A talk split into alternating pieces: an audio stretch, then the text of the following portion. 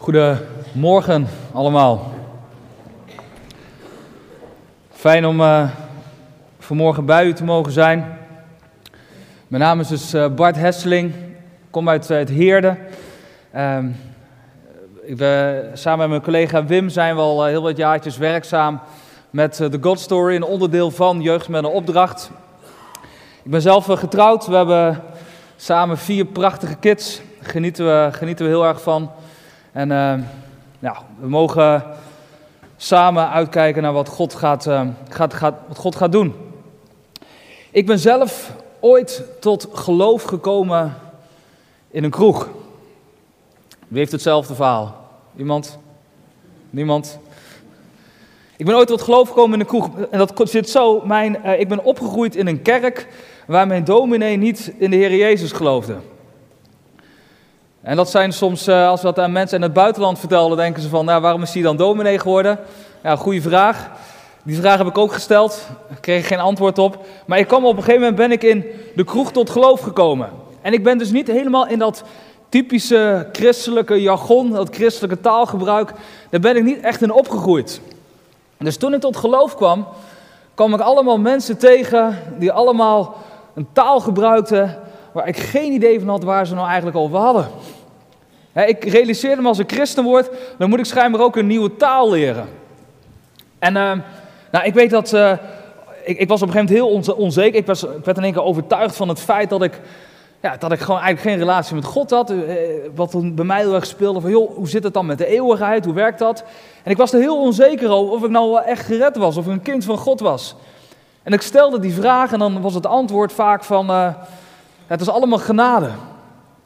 Nou, dat antwoord dat, dat riep weer tien andere vragen bij me op. Daar kon ik helemaal niks mee. En uh, nou, er waren heel veel van dat soort dingen. En op een gegeven moment was ook... Ik weet nog dat ik bij een groep, uh, groep uh, gasten stond. En toen zeiden op een van die gasten... Jongen, we gaan vanavond God zoeken. Ik, God zoeken? Is die kwijt dan? hoe, hoe, hoe, hoe zit dat dan? Maar goed, ze bedoelden uiteindelijk na een tijdje kwam ik erachter dat ze bedoelden dat ze een bidstond gingen houden. Dan gingen ze bidden en dan gingen ze op zoek naar God. Nou, ondertussen ben ik er wel achter gekomen dat het heel erg belangrijk is om op zoek te gaan naar Gods wil voor je leven. Het is heel belangrijk om te weten wat God van je vraagt. En het is zelfs zo aan Paulus, Paulus die schrijft erover in Handelingen. Paulus zegt zelfs dat God bepaald heeft dat we hem zouden zoeken. In de hoop dat we hem zouden vinden. En dit is precies de reden waarom er zoveel mensen op deze wereld zijn die op zoek zijn naar God. En soms hebben ze zelfs niet eens in de gaten dat ze op zoek zijn naar God. Maar het zit iets in ons waardoor we op zoek gaan naar hetgeen waar we voor gemaakt zijn. En dat is ook de reden dat ik in die kroeg zo ontzettend geïnteresseerd was toen ik met iemand sprak over Jezus. Hij of, of zij was het, zij zei van joh, je moet echt op zoek gaan naar Jezus. Weet je, ik geloof dat een mens gemaakt is om de liefde van God te kennen. Een mens is gemaakt om in heel zijn wezen om de hemelse, bovennatuurlijke liefde van God te kennen. Liefde die rechtstreeks uit de hemel komt. Hemelse liefde. En daarom wil ik ook met jullie, uh, met jullie lezen. Als het goed is, uh, Oh, moet ik hem even aanzetten natuurlijk. Kijk. Ik wil met jullie lezen uit Johannes hoofdstuk 6. Vanaf vers 47. Dit is wat de Heer Jezus zegt. Luister goed. Wie in mij gelooft, heeft eeuwig leven. Ik ben het brood dat leven geeft. Uw voorouders hebben in de woestijn manna gegeten. En die zijn toch gestorven. Maar met het brood uit de hemel waar ik over spreek is het anders. Wie hiervan eet zal niet sterven. Ik ben het levende brood dat uit de hemel is gekomen. Wie van dit brood eet, zal altijd blijven leven. Het brood dat ik voor het leven van de wereld zal geven, is mijn lichaam. Ik heb hem uit het boek gelezen. Ik heb even een dik gedrukt waar ik, waar ik me op wil gaan richten vanmorgen met u.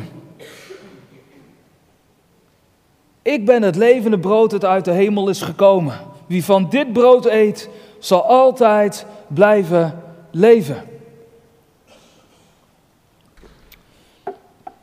Ik heb vier punten vanmorgen. En het eerste gedeelte, ik draai dat eerste gedeelte van dat dik gedrukte gedeelte draai ik even om. Ik begin met wat uit de hemel is gekomen. Dus dat levende brood dat uit de hemel is gekomen.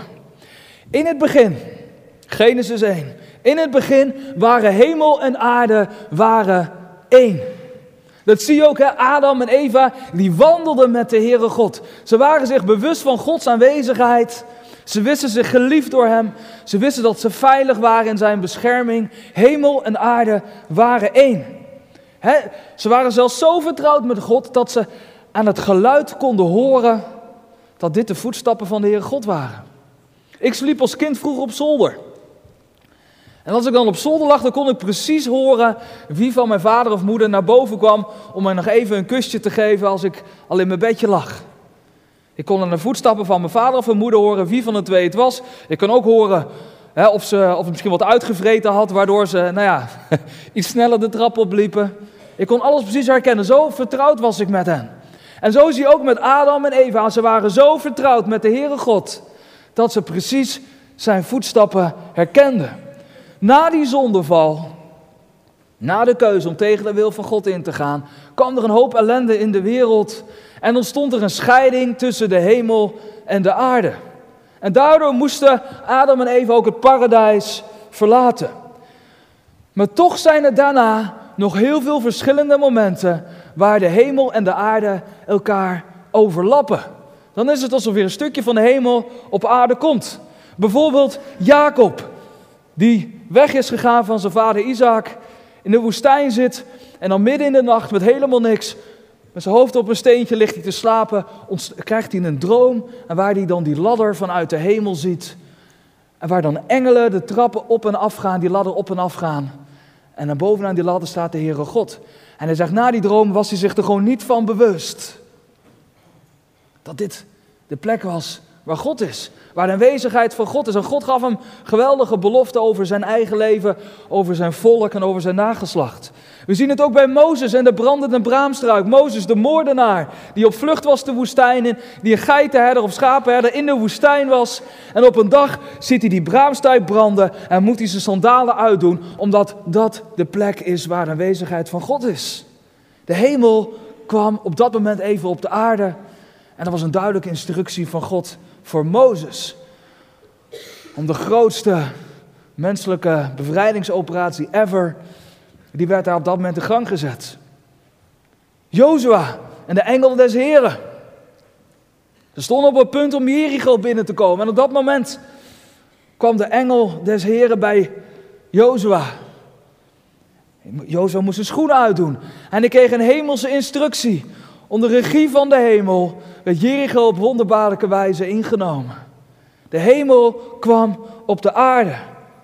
Dit soort gevallen zijn eigenlijk altijd een tijdelijk ingrijpen vanuit de hemel, waar de Heer God iets bijzonders wil doen. Maar je voelt altijd nog dat er die afstand is tussen de hemel en de aarde. En dan zien we Matthäus 1, daar wordt het grootste ingrijpen vanuit de hemel ooit wordt aangekondigd. Dan komt er een engel bij Jozef, of in een droom komt hij bij Jozef en zegt, joh, het is oké, Maria is zwanger door de Heilige Geest. En er komt een man, het zal jullie zoon zijn, en hij zal het volk bevrijden van zijn zonde. Zijn naam zal zijn Jezus. Een ingrijpen vanuit de hemel. Jezus zei, ik ben het levende brood. Weet je, die uitspraak van Jezus. Ik ben het levende brood. De aankondiging van Jezus. De redder van de zonde. Daar kunnen wij als kerk kunnen we daar soms nog zo weinig mee vandaag. En binnen de kerk vinden we het lastig om dat de handen en voeten te geven. En buiten de kerk vinden we dat al helemaal lastig. Iemand die komt om onze zonde te vergeven. Wat moeten we daarmee? Waar is dat misgegaan? Nou, weet u, eeuwenlang, eeuwenlang zijn er mensen binnen de kerk opgegroeid met het idee dat God een God van oordeel is. Dat God eigenlijk alleen maar bezig is Om te kijken wat je goed en fout doet en daar een straf aan te koppelen. Ik kom nog steeds mensen tegen die er bang voor zijn. Dat als er iets misgaat in hun leven, dat het een straf van God is voor wat ze verkeerd hebben gedaan. Mensen die al jarenlang naar de kerk gaan, die de Heer Jezus kennen, zijn nog steeds bang dat ze op een dag misschien toch verkeerd doen en in de hel belanden. Zonde, oordeel, dat zit zo in de gedachtegang van christen in het Westen. En misschien heeft u of jij worstelt daar misschien ook wel mee. Hoe zit dat nou? Hoe, wat moeten we daar nou mee? En buiten de kerk, nou ja, dan vinden we het, schamen we er ons soms voor om dit verhaal te vertellen. Dan moeten we eerst mensen vertellen dat ze schuldig zijn. Moeten ze eigenlijk een schuldgevoel aanpraten. En als ze zich schuldig genoeg voelen, ik overdrijf nou een beetje. Als ze zich schuldig genoeg voelen, nou, dan uh, weten we nog wel een oplossing. Alleen mensen die nou ja, misschien heel vrijmoedig zijn, die, die durven dat op die manier te doen. En natuurlijk moeten we overtuigd worden van het probleem in ons hart. Wat de Heer Jezus komen doen. Maar hoe is Jezus nou relevant voor uw collega? Hoe is Jezus nou relevant voor mijn klasgenoot? Waarom zou Hij, de Heer Jezus, het antwoord zijn voor de mensen die wij kennen? Hoe zit dat? Weet je, ik wil jullie bemoedigen. Het verhaal van God, het verhaal van Zijn reddende kracht, is ook vandaag de dag hetgeen waar iedereen naar verlangt. Zijn hemelse liefde, zijn kracht om mensen te veranderen en vrij te maken, is ook vandaag de dag waar mensen naar verlangen, binnen en buiten de kerk. Jaren geleden was ik op een, een outreach met jeugdmannenopdracht in, in Zweden, in Göteborg zaten we. En we besloten om midden in de nacht op een vrijdag of zaterdagavond, waar iedereen leek het wel in de stad aan het feestvieren was, besloten wij om erop uit te gaan. We hadden een groot bord bij ons. Er stond dan in het Zweeds op: Mogen voor u bidden. Nou, dan moesten we maar geloven dat dat erop stond. Maar we zagen heel veel mensen zagen we reageren. We hadden allerlei mooie gesprekken met mensen. En we mochten ook voor mensen bidden. En op een gegeven moment was het was diep in de nacht, drie, vier uur s'nachts. Stonden op een treinstation. En uh, dan kwamen er in één keer, waren we aan het uitrusten. We dachten, ja, we moeten zo naar huis gaan. Dan kwamen er in één keer of drie, vier meisjes kwamen naar ons uh, toegelopen. En een van die meisjes zegt, uh, joh, uh, zou je voor me willen bidden? Nou, is goed, dus ik denk, ja, natuurlijk, hè, daar staan we hier voor, hè. Nou, zegt de meisje, ik heb al een, een tijdje een vriendje. En dat, ja, ik heb heel lang niks meer van die jongen gehoord. En nou ja, ik, ik, ik, weet niet wat hem aan de hand, wat hem om te bereiken, te bellen, te mailen, noem het allemaal op, maar hij reageert nergens op. Zou je ervoor kunnen bidden dat er weer contact komen? ik denk van, nou ja, ik had er eigenlijk niet zo heel veel geloof voor. Um, dacht, ja goed, laten we maar doen.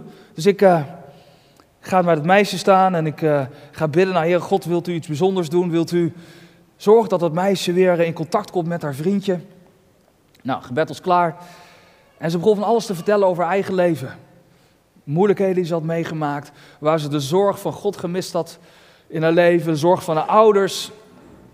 Het werd een heel heftig verhaal. En terwijl ze aan het vertellen was, begonnen in één keer die andere meiden in het groepje begonnen in één keer keihard te schreeuwen. Ik denk van, wow, wat gebeurt hier? Dat meisje met wie wij aan het praten waren, draait zich ook om. En die begint dan ook in één keer te schreeuwen. Dus wij schrokken ons helemaal wild. Dachten, moeten we nou hard wegrennen of moeten we blijven staan? We wisten het zelf niet.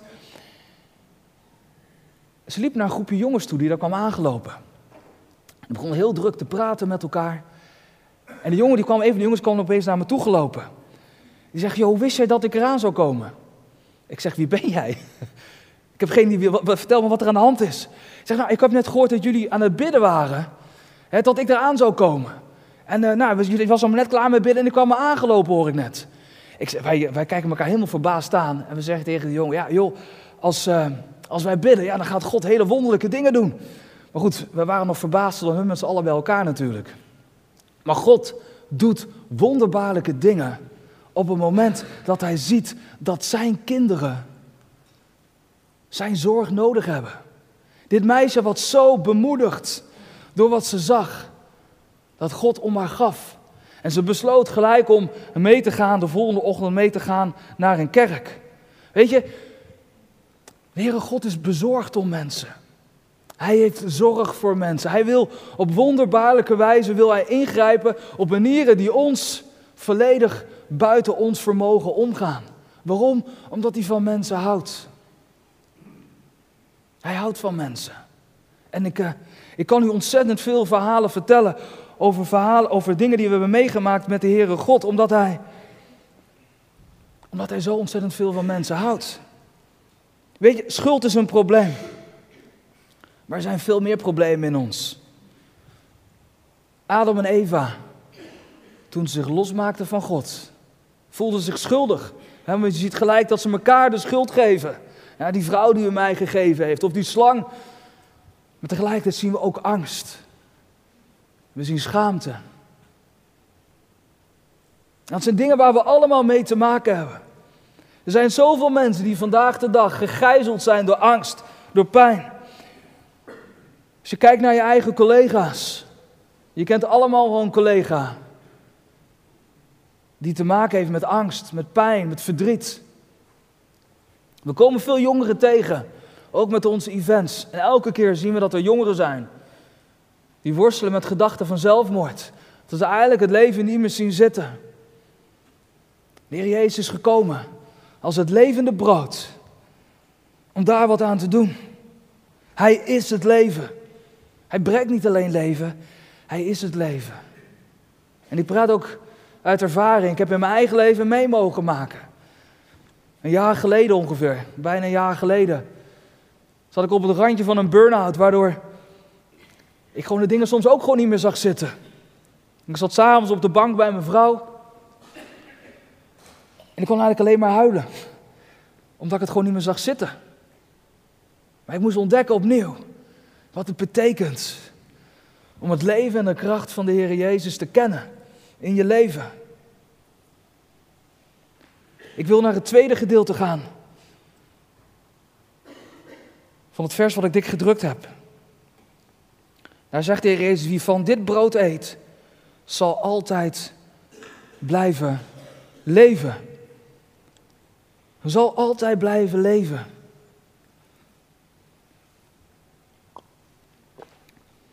Weet je, het probleem van de zonde is dat er van binnen wat kapot gemaakt wordt. Wat wordt er van binnen kapot gemaakt? De verbondenheid met God. We zijn gemaakt als hemelse wezens. We zijn gemaakt om hemelse liefde te kennen. En dat wordt dan soms heel snel heel zweverig, alsof we een engeltje zijn in de hemel die op een wolkje zweeft. En soms blijft het zo, af, zo, zo vaag, zo ver weg. Weet je, we zijn niet bedoeld om als een engeltje te leven. Wie heeft wel eens een engeltje willen zijn? Iemand ooit? Nou, ik, ik heb het één keer gehad in mijn leven dat ik een engeltje wilde zijn.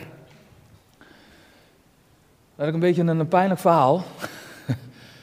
maar op de basisschool hadden wij altijd, uh, één of twee dagen voordat de kerstvakantie begon, hadden wij een, een toneelopvoering.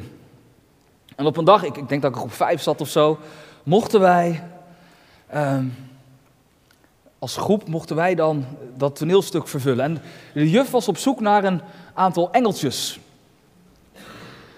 En uh, toen ze vroeg, nou wie wil er een engeltje zijn? Nou, dan staken natuurlijk allemaal meisjes staken hun hand op. Die wilden allemaal heel graag zo'n engeltje zijn. Die zagen dat al voor zich om met zo'n mooi wit jurkje over het podium te dansen. En terwijl ik een beetje de klas rond zag, zat te kijken welke, wie een hand allemaal opstaken, zag ik in één keer dat mei, een meisje een hand opstak waar ik al een tijdje verliefd op was.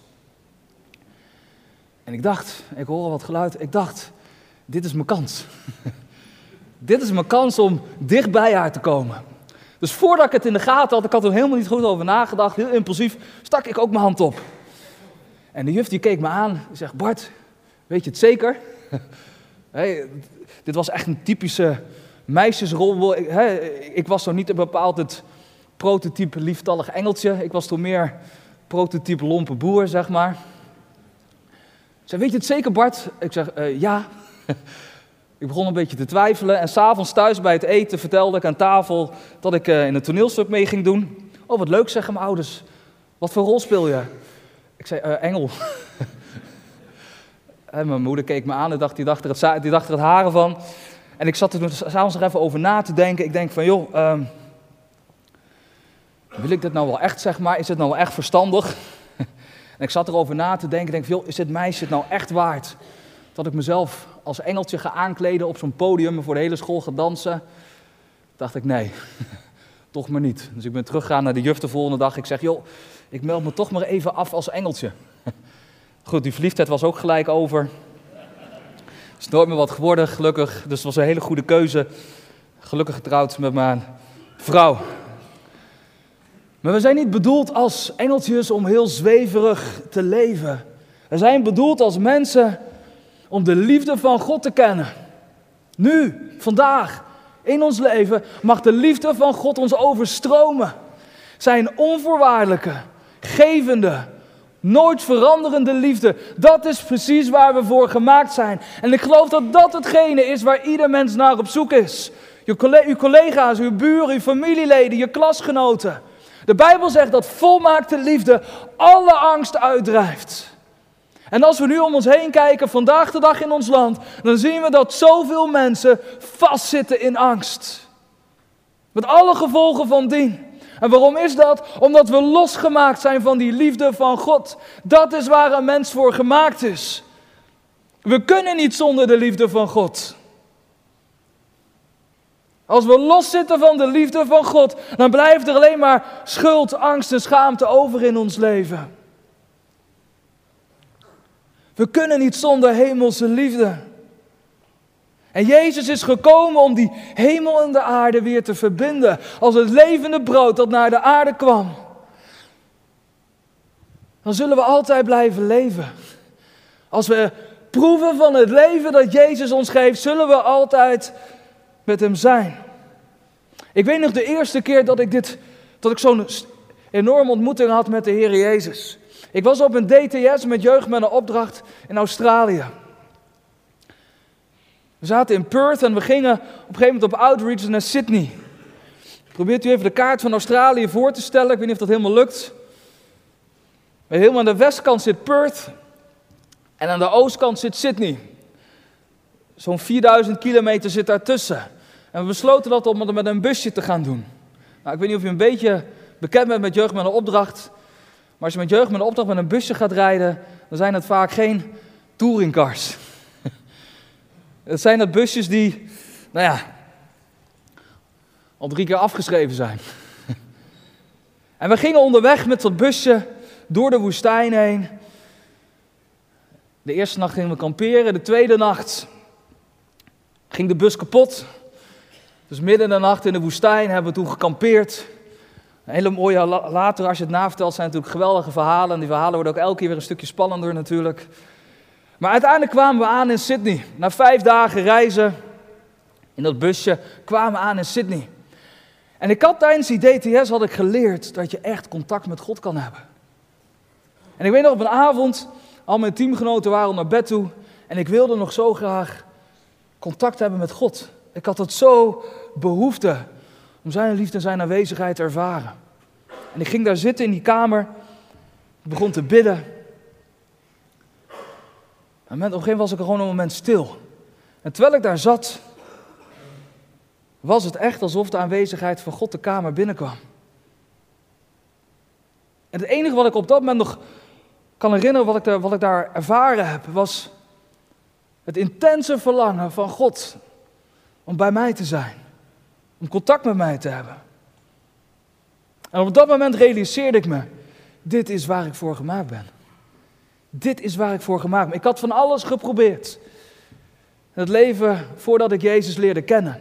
Maar op dat moment realiseerde ik me, hier ben ik voor gemaakt. En als ik hiervoor gemaakt ben, dan geldt het niet alleen voor mij, maar dan geldt het voor iedereen. Ieder mens is gemaakt om de liefde van God te kennen.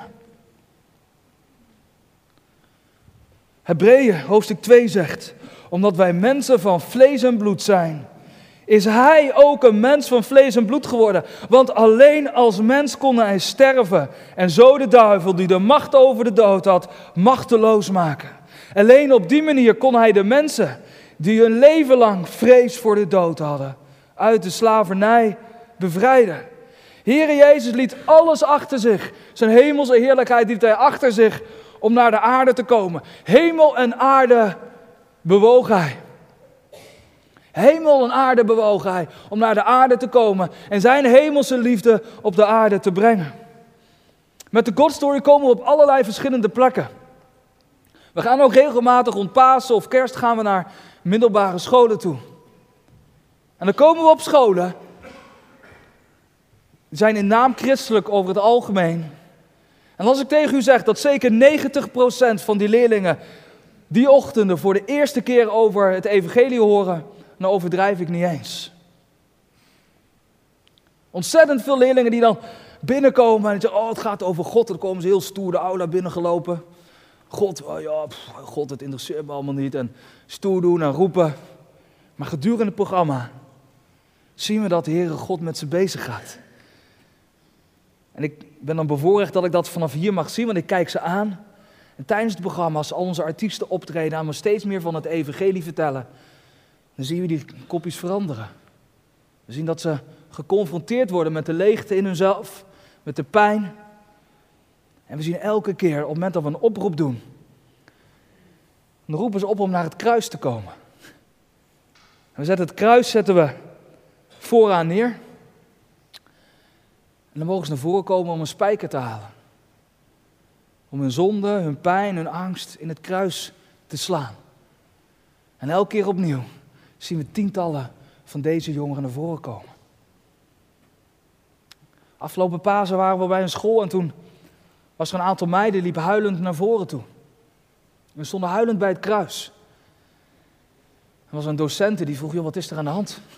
Waarom moet jullie zo huilen? En een van die meisjes zegt, joh, ik weet het zelf eigenlijk ook niet. Ik ben niet gelovig, mijn ouders doen niks met geloof. Maar er gebeurt gewoon wat. Ik werd gewoon geraakt van binnen en ik wil hier meer van weten. Ik wil hier meer mee doen. Ik wist al wat er gebeurde op dat moment. De hemel raakte de aarde. De liefde van God kwam op dit meisje. Dat meisje werd geschud. Ze proefde van het leven wat Jezus wil geven. En daarom geloof ik dat het evangelie van Jezus ook vandaag de dag mensen geeft wat ze nodig hebben. Mensen zijn gemaakt om de hemelse liefde van God te kennen. En op het moment dat iemand iets proeft van die hemelse liefde, dan weten ze, hier ben ik voor gemaakt. En dat geldt ook voor uw collega's, voor je buren, voor jouw klasgenoten. Ook zij verlangen daarna. En hebben het recht om de liefde van God te leren kennen.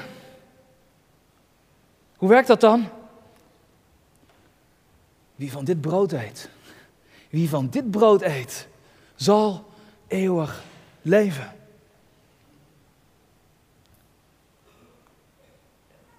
Het kruis staat altijd centraal. Altijd. We zeggen altijd bij de God Story, lieve mensen, als je op zoek bent naar de vrede van God, als je de liefde van God in je leven wil, als je de hoop in je leven wil, als je bang bent voor de dood en je wil zekerheid van eeuwig leven, er is maar één weg. Dat is de weg langs het kruis. De enige weg om de vrede van God in je leven te gaan leren kennen, is de weg langs het kruis. Want dat is de plek waar Jezus de overwinning heeft gehaald. Dat is de plek waar Jezus de dood heeft overwonnen. Dat is de plek waar Jezus de pijn heeft overwonnen.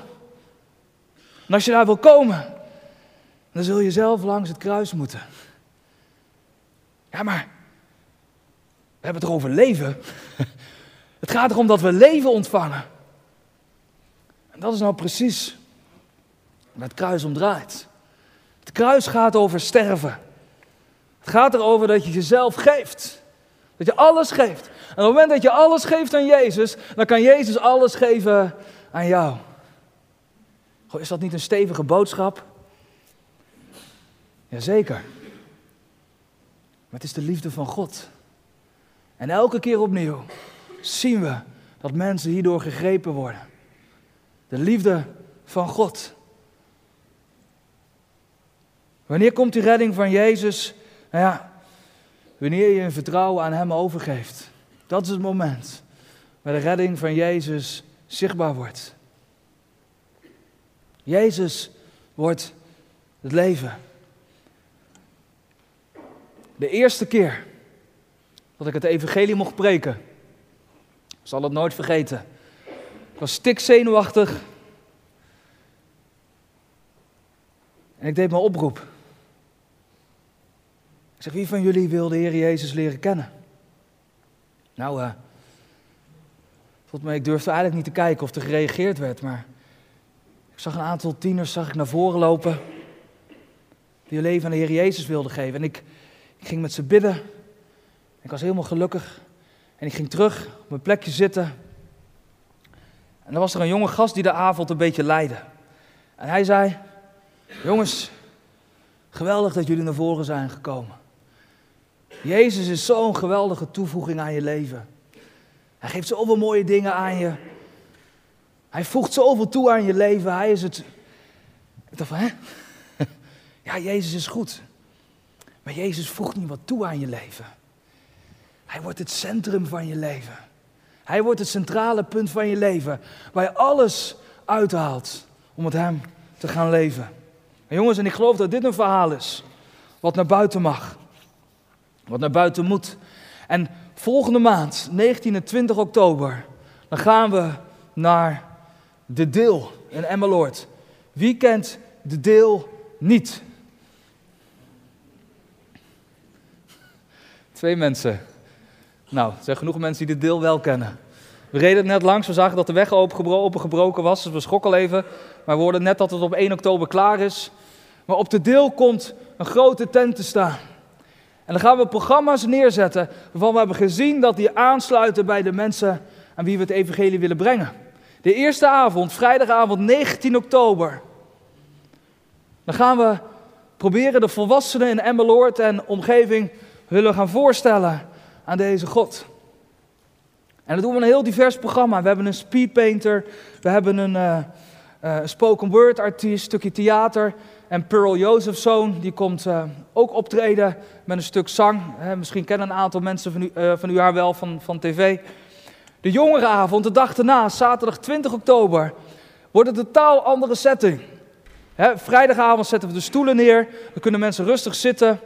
Zaterdagavond gaan we er een, wordt een hele, heel dynamisch programma, speciaal voor jongeren, met stunts, met, uh, uh, met andere optredens. Onder andere Sterre Koning komt optreden. Zij is bekend van The Voice Kids en voor Junior Song Festival. Ook een christen die ook van de Heer houdt. En die komen deze avonden komen optreden, komen optredens geven om het evangelie aan de mensen in Emmeloord te brengen. En we kijken daar gigantisch naar uit. Nou, om u een klein beetje een voorproefje te geven hoe die avonden eruit zien, hebben we een videootje. Dus als het goed is, wordt die even klaargezet. En dan kunt u even een hele korte indruk krijgen hoe zo'n avond eruit zou kunnen zien.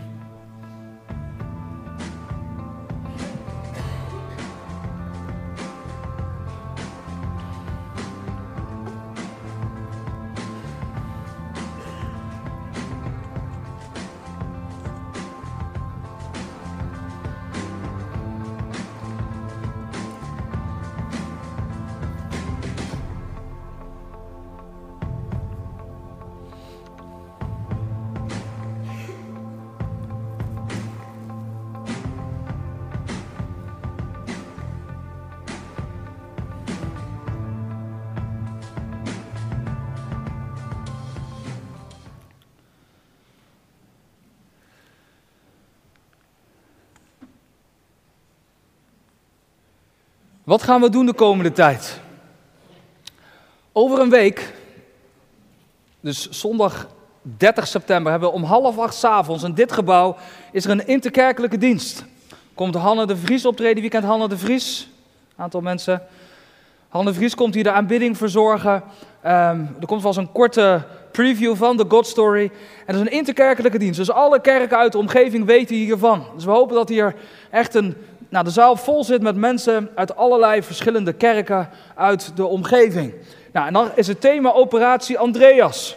Daar ga ik u dan van alles over vertellen. Maar Operatie Andreas, dat gaat dus over de, uh, de discipel van de Heer Jezus. Andreas, toen hij de Heer leerde kennen, ging hij naar zijn broer Petrus toe. Om hem voor te stellen aan de Heer Jezus. Nou, het wordt een te gekke avond. We hopen dat we zoveel mogelijk mensen dan uh, kunnen gaan zien. Nogmaals, dan drie weken later, kleine drie weken later, is de God Story. ehm, staan we in de grote tent op de deel. En daarna, nou, dan gaat het om dat dus de mensen die interesse hebben en die meer willen weten over de Heer Jezus, gaan we helpen om volgelingen te maken van de Heer Jezus. Wat kunt u nou gaan doen? Nou, ten eerste, word een Andreas. Kunt u dit papiertjes even laten zien allemaal? Als het goed is, heeft u allemaal een papiertje gekregen.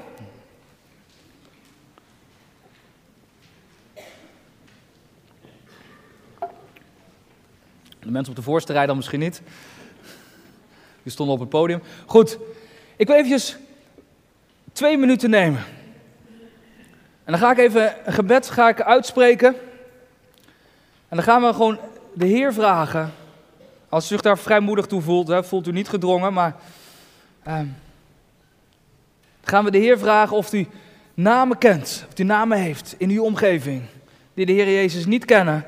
En die u, die jij misschien wel zou willen meenemen naar de God Story.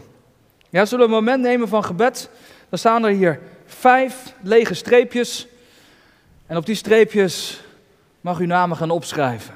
En misschien denk je, ja, maar dat is onmogelijk. Die wil er helemaal niks over weten. Joh, ik kan er nog wel eh, tien verhalen of twintig of dertig verhalen van mensen vertellen die de buitenkant potdicht leken voor de Heere God. Maar eigenlijk heel op zoek waren naar hem. Zullen we gaan bidden met elkaar? Vader in de hemel, dank u wel dat u de God van liefde bent. Dat u hemel en aarde heeft bewogen om redding te brengen.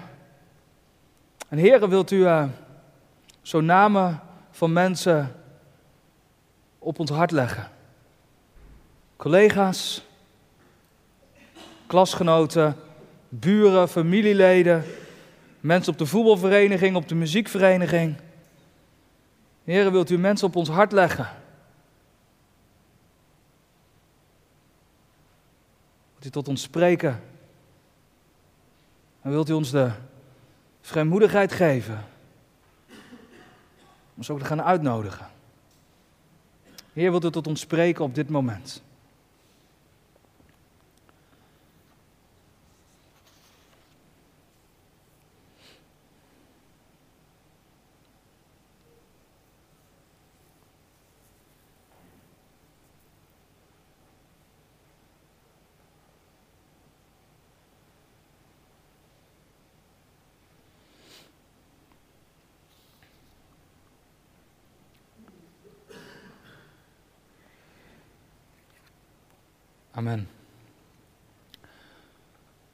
Als u namen heeft, mag u er nu vast opschrijven. Dan vertel ik nog een heel klein beetje wat verder hierover.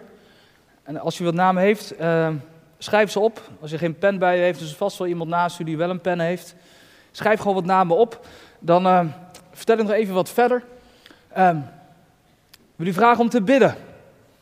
Gewoon in uw stille tijd of als u in de auto zit of als u onder de douche staat, elke keer als u eraan denkt, wilt u bidden dat mensen in Emmeloord en omgeving hun harten open mogen zijn om de Heer Jezus te ontvangen. Misschien kent u nog wel andere mensen uit andere kerken. Wilt u hen ook aanmoedigen om een Andreas te, Andreas te zijn? We hebben hier nog flyers liggen, dus die kunt u meenemen. Als u van de week nog... Uh, of de komende weken nog medechristenen tegenkomt, nodig ze uit om ook een Andreas te worden. En tot slot, uh, we hoorden net al eventjes over van Simon, mocht hij zich nog, uh, hè, mocht hij denken, ik zou er graag nog wat financieel willen bijdragen, dan kan dat ook, er zijn machtigingskaarten in deze kerk uh, aanwezig. Goed, ik wil uh, de mensen van de aanbidding vragen om weer ons mee te gaan nemen in het volgende lied. Dank u wel.